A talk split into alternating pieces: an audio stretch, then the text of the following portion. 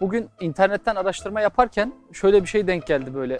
Flört eden kişinin karşıdaki kişiyle ilk buluştuğu zaman sorması gereken sorular diye. Ne mezunusun, çalışıyor musun, kardeşin var mı, baban anan ne iş yapıyor, kalabalık bir aile misin, aile bağların güçlü mü, ailenle yoksa yalnız mı yaşıyorsun? Muhtemelen görüşmeye gidecek olan arkadaş burayı bir komple ezberliyor, ondan sonra gidiyor. Kararlarını tek mi alıyorsun, doğum günün hangi tarihte, bak bu burcun ne? Abi ilk gün sorduğu soruya bak ya. İlişkide cinselliğe önem verir misin? Benim tanıdığım bir arkadaş var. Yaklaşık 11 yıl boyunca flört etti. Çocuk ne diyor biliyor musun? 11 yıl sonra diyor evlendik. O evlendikten sonraki 11 gün kadar 11 yılda eşimi tanıyamamışım diyor.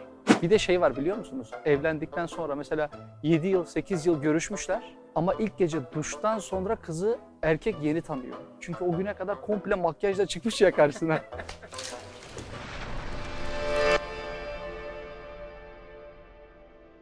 Hani masallarda vardır ya, onlar erdiler mutluluğa, biz çıkalım kerevetine. Heh, işte tam da öyle. Birbirimize deli gibi aşık olalım. Hem de o filmlerde araya giren kötü insanlara rağmen kavuşalım ve evlenelim. Tabi evlenmeden önce genişçe de vaktimiz olsun ki evlendiğimiz zaman başımıza gelecek olan sorunlarla ilgili tedbirlerimiz olsun. Evet artık onlar mutluluğa ermişlerdir. Hiç problemleri yoktur ve saadet dolu cıvıl cıvıl evlilik onları bekliyordur. Aslı'yla Kerem'i artık sonsuza kadar sürecek olan mutluluk bekliyordur. Peki bundan mutluluğun haberi var mıdır? Bu arada insanlar şey diye düşünecek. Ulan bu ne videosu? Görücü usulü evlilik videosu mu yoksa insanları evlilikten soğutma videosu mu? İki çocuk sahibi olunca anlıyorsunuz. Ama bunlar gerçekte olmaz. Bunlar sadece masallarda vardır. Abi ne söyleyeceksen Allah aşkına çok uzatma dediğinizi duyar gibi. Ve zannediyorum içinizden düşünüyorsunuzdur. Abi birbirimizi görmesek olmaz mı? Sadece telefonla görüşsek, el ele tutuşmasak, yan yana gelsek ama göz göze bile bakmasak. Geç o ayakları. Deli gibi aşık olduğun bir insanın insan elini tutmak istemez mi? Omzuna başını yaslamak istemez mi? Şöyle güzelce sarılmak istemez mi? Peki ya sonrası? Sonrası bir de yatak odasına gitmek istemez mi? İşte o anki aşkın doruklarıyla beraber, zirveyi bulmasıyla beraber iş maalesef nerede bitiyor? Yatak odalarında bitiyor. Peki bu yatak odalarının neticesinde ne oluyor? Türkiye nüfusunda şu anda flört edenlerin ortalama olarak %70'i evlenmeden ayrılıyor. Sonra kendi aralarında ufak tefek pişmanlıkları oluyor. Bu pişmanlıkların neticesinde gizli nikah başlıyor. Gizli nikahla beraber bu sefer birbirlerine hafiften uzak duran çiftler daha da yakınlaşmaya başlıyorlar. Sonra çocuk bir bakıyorsun kızı ortada bırakıveriyor. Ama keşke film burada bitse. Kızın ailesi ne yapıyor? Çocuğunu evlendirmek istiyor. Birilerine bakıyor. Bu kızın kulağına gidiyor. Neden? Artık görücü gelmeye başlıyor çünkü evin içerisine. Şimdi annesine babasına desek ki lan ben böyle bir şey yaptım ve bu kan davasına sebebiyet verecek. Görücüye gelen adamla evlense e, ilk gece o anlaşılacak. Kız böyle bir ikilemin içerisinde kalıyor maalesef. Daha sonra geçirdiği bürhanların neticesinde bunalımlara giriyor ve intihara kadar iş ilerliyor. Şimdi anlıyor musunuz İslamiyet'in saadet düsturlarını? Şimdi aşk deyince biz burada karşılıklı gidiyoruz farkında mısınız? Mesela ben sana yatalak desem ne anlarsın? Hasta birisini anlarsın değil mi? Senin için bu kadar anlam ifade eder. Ama yıllardır evinde yatalak bir hastaya bakan anneye bunu sorduğum zaman çok gözyaşı döker. Neden? Çünkü onda yatalak kelimesinin anlamı çok farklıdır. Veya mesela ben kanser desem ne anlarsın? Acı çeken birisi bu kadardır. Ama yıllardır annesi, babası, halası, teyzesi bu rahatsızlığa kapılmış, tutulmuş ve netice itibariyle onların çektikleri ızdırabı bilen bir çocuk kanser deyince ne anlar? Bambaşka şeyler anlar. Gözünden yaşlar gelir. İşte aşk deyince de biz biliyoruz. Ama işte o acıyı çeken birisine aşk kelimesi veya aşkla ilgili bir şarkı dinlediği zaman o kelimenin altında bir ızdırap ve ızdırar başlıyor. Baba dinle. Bak burada alabiliyorsan alsın. Burayı alır değil mi? Hoşlanmış. Oğlum bu nasıl bir psikoloji ya? Adam vücuduna jiletler vuruyor, bunalımlara giriyor. Bunun sebebi ne biliyor musun? Aşk acısını unutmaya çalışıyor. Yani o acıdan daha fazla acıyı ne yapıyor? Vücuduna o jiletle yerleştiriyor, vuruyor ki o acıyı unutabilsin. Veya uyuşturucu kullanmaya başlıyor, alkol kullanmaya başlıyor. Sebebi ne peki? Sebebi o acıyı unutabilmek. Nasıl ki iki yaşında bir çocuğun her şeye gücü yetme fantazisi gerçeğin darbesine uğruyorsa, mesela bizim Eslem'i düşün, şu an aranızda herkesi dövebileceğine inanıyor. Neden? İki yaşında çünkü vurdum mu inecek diyor. İşte aşık olan bir çiftin de bu fantazileri gün geliyor ve aynı duvara vuruyor. Gün gelecek, hayatın sorunları ortaya çıkacak ve kişiler kendileriyle yüzleşmeye başlayacaklardır. Günün yoğunluğuyla maddi ve manevi problemlerle beraber erkek bazen cinsellik isteyecek ama kadın istemeyecek. Kadın gezmek isteyecek ama erkek kabul etmeyecek. Erkek para biriktirmek isteyecek ama kadın bulaşık makinesi almak için bastıracak. Kadın ev işlerini anlatacak ama erkekse kendi işlerinden dem vuracak. Yani o günlerde bal ayı çoktan geçmiş olacaktır. Böylece her ikisi de varlıklarının derinliklerinde şu üzücü gerçeği idrak edeceklerdir. Sevdikleriyle aslında bir değillerdir. Kendi ön yargıları, kendi egoları yavaş yavaş öne çıkmaya başlamıştır.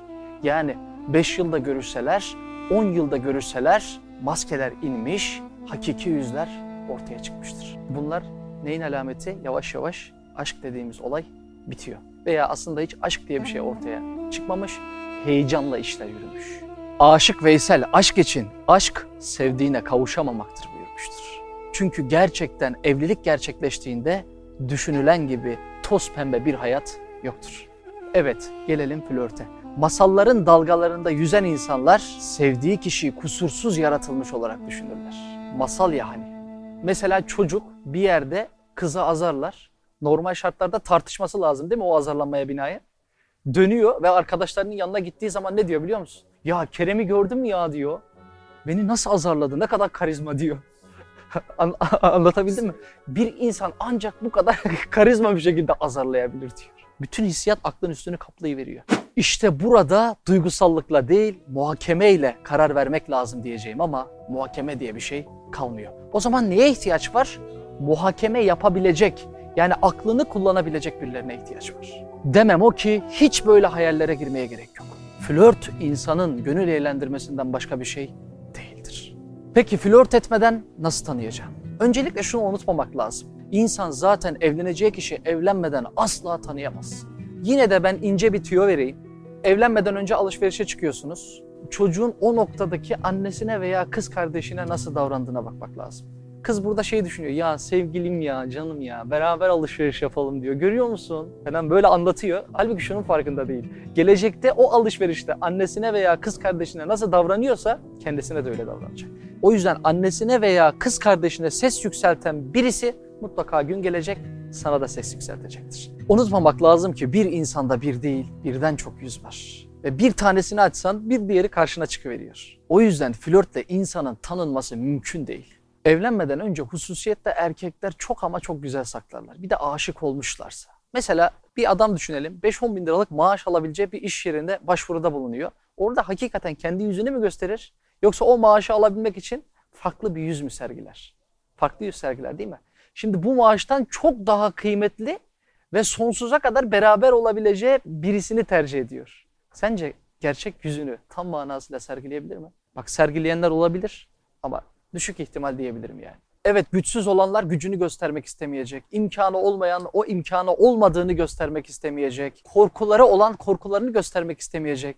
Belki beş vakit namazı yok ama evleneceği ve aşık olduğu insan tesettürlü ve takva ehli bir insan olduğu için kendisi de size takva ehli biri gibi gözükecek. Ben burada şey demiyorum. Bütün insanlar böyledir. İşte karanlıktır. Hep böyle olur demiyorum. Ama hanım kardeşlerin de erkek kardeşlerin de evlenirken tedbir alması lazım. Hususiyetle flört flört.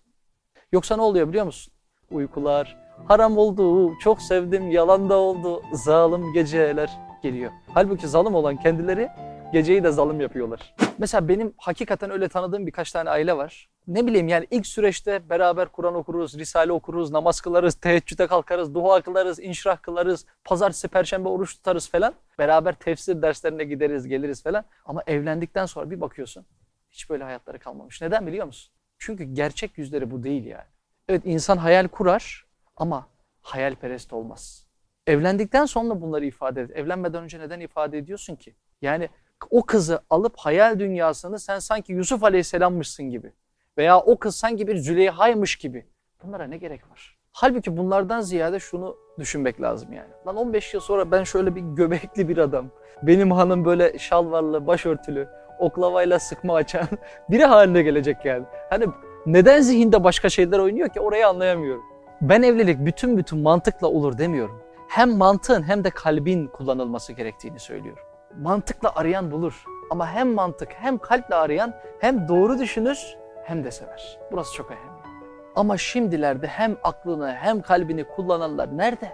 Adam alıyor kızı, 3-4 yıl boyunca görüşüyor. Hem de görüştüğü yerler neresi biliyor musun? İnsan içi de değil. En tenha yer neresi? En boş ev nerede?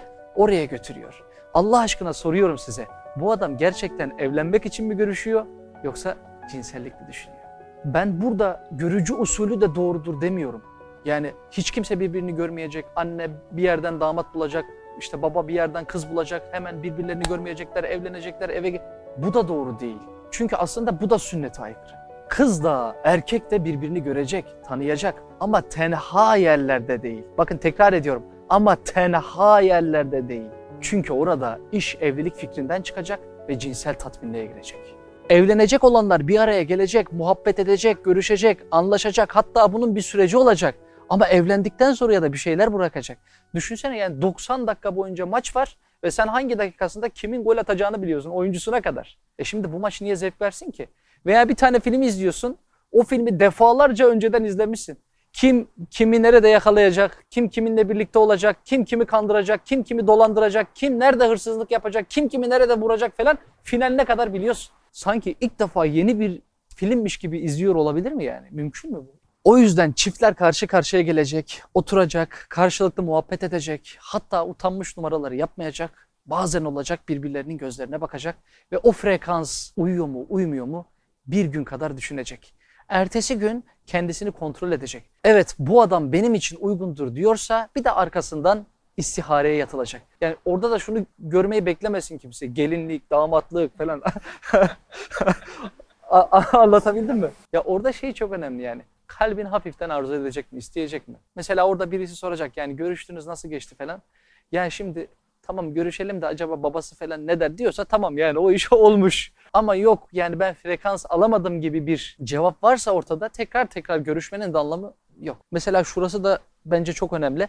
Arkadaş çevresine de mutlaka bakılması lazım. Etrafında kim var kim yok. Zaten bu süreç ortalama 3 ay ile 6 ay kadar sürecek. 2 hafta 3 hafta tamam hadi oldu evlendik şeklinde değil. Neden? 3 ay ile 6 ay arasında yani yağmur yağdığı zaman nasıl ki pislikler ortaya çıkıyor ya böyle yağmur bittikten sonra. İşte o süreç bir nevi yağmurun yağması yani. Veya bir kadın makyajını temizlediği zaman nasıl ki kendi hakiki yüzü ortaya çıkıyor ya. Bütün bütün hakiki olarak yüzün ortaya çıkması mümkün değil. Ama birazcık o pislikler ortaya çıkmış olacak yani. Eğer böyle bir şey var ise.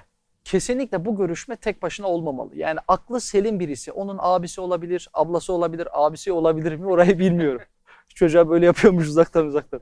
Yani orada mutlaka aklı selim birisinin olması, size uzak veya yakın bir yerde oturup e, sizi zaman zaman kontrol altına aldığını hissettirmesi lazım. Bu arada biz ne sünnete aykırı olan görücü usulünü ne de sünnete yine aykırı olan flörtü tasdik etmiyoruz. Bizim tasdik ettiğimiz şey nedir diye soracak olursanız aracı usulü.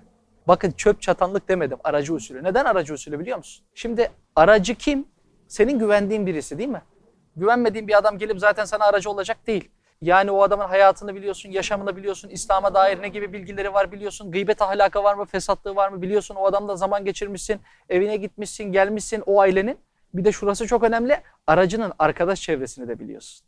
O yüzden senin karşına nasıl bir adamı getireceğini veya senin karşına nasıl bir kızın geleceğini az çok tahmin edebiliyorsun. Neden? Çünkü o aracı olduğu kişiyi getiriyorsa o kişiyi de az çok tanıyordur. Bakın çöp çatallık demiyorum. Ya kanka ya bizim bir tanıdık var onu alalım getirelim sana olur falan. Yapıştıralım sana ya falan. ya bu mantık değil yani. Aracı olduğu kişiyi de tanıyacak, bilecek, ailesini bilecek, soylu birisi mi bilecek, müsbet, mütedeyyin birisi mi bilecek. Benimki de bir nevi aracı usulü oldu. Yani çünkü ben eşimi bir veya iki defa daha öncesinde görmüştüm. Ama ben kendi fikirlerime dayanarak yapmadım evliliğimi. Kayınvalidemin tecrübesi vardı. Kayınbabamın tecrübesi vardı. Kendi babamın tecrübesi vardı. Annemin tecrübesi vardı. 200 yıllık bir tecrübeyle aldım ben eşimi. Elhamdülillah izleyecek. Çok memnunum. Allah ondan razı olsun. Sağ olsun, var olsun. İki tane böyle bir armut bir elma verdi bana. Yani armut Eslem de Enes için elma diyebilir miyim orayı bilmiyorum. Bir tanesi Twitter'da ne yazmış biliyor musun? Kız çocuğum olana kadar demiş, evimde hayvan besliyordum farkında değildim demiş. Ve unutma, sadakat henüz tanımadığı eşi için kişinin kendini muhafaza etmesidir. Mesela düşünsene, evlenmişsin, Aradan birkaç yıl geçmiş. Eşinle beraber bir alışveriş merkezine gidiyorsun. Tam orada karşıdan birisi tebessüm ede ede yürüyor. Eşinin yanına geliyor ve eşine diyor ki çok değişmişsin. Ve çok değişmişsin diyen adamla iki yıl, üç yıl flört etmişsin. Senin saç renginden tut, vücudundaki en ince detaylara kadar eşin kadar sahibi. Peki bu o esnada eşinin zihninde ne gibi şeylere sebebiyet verecek? Demeyecek mi? Geçmişte bunu yapabilen acaba bugün ne yapmaz ki? Yani tam olarak o iş öyle değil aslında. Neden? Çünkü geçmişte yapmıştır, kusurları vardır, günahları vardır, Allah'tan af dilemiştir. Allah Settar ismiyle günahlarını bağışlamıştır. Tekrar geçmişi açmanın anlamı yok ama yani o kişi o esnada bütün bütün bunları düşünemeyecek ve belki senin hakkında bir su izanla sahip olacak. Ve son olarak aynı sahneye benzer bir sahneyi söylemek istiyorum.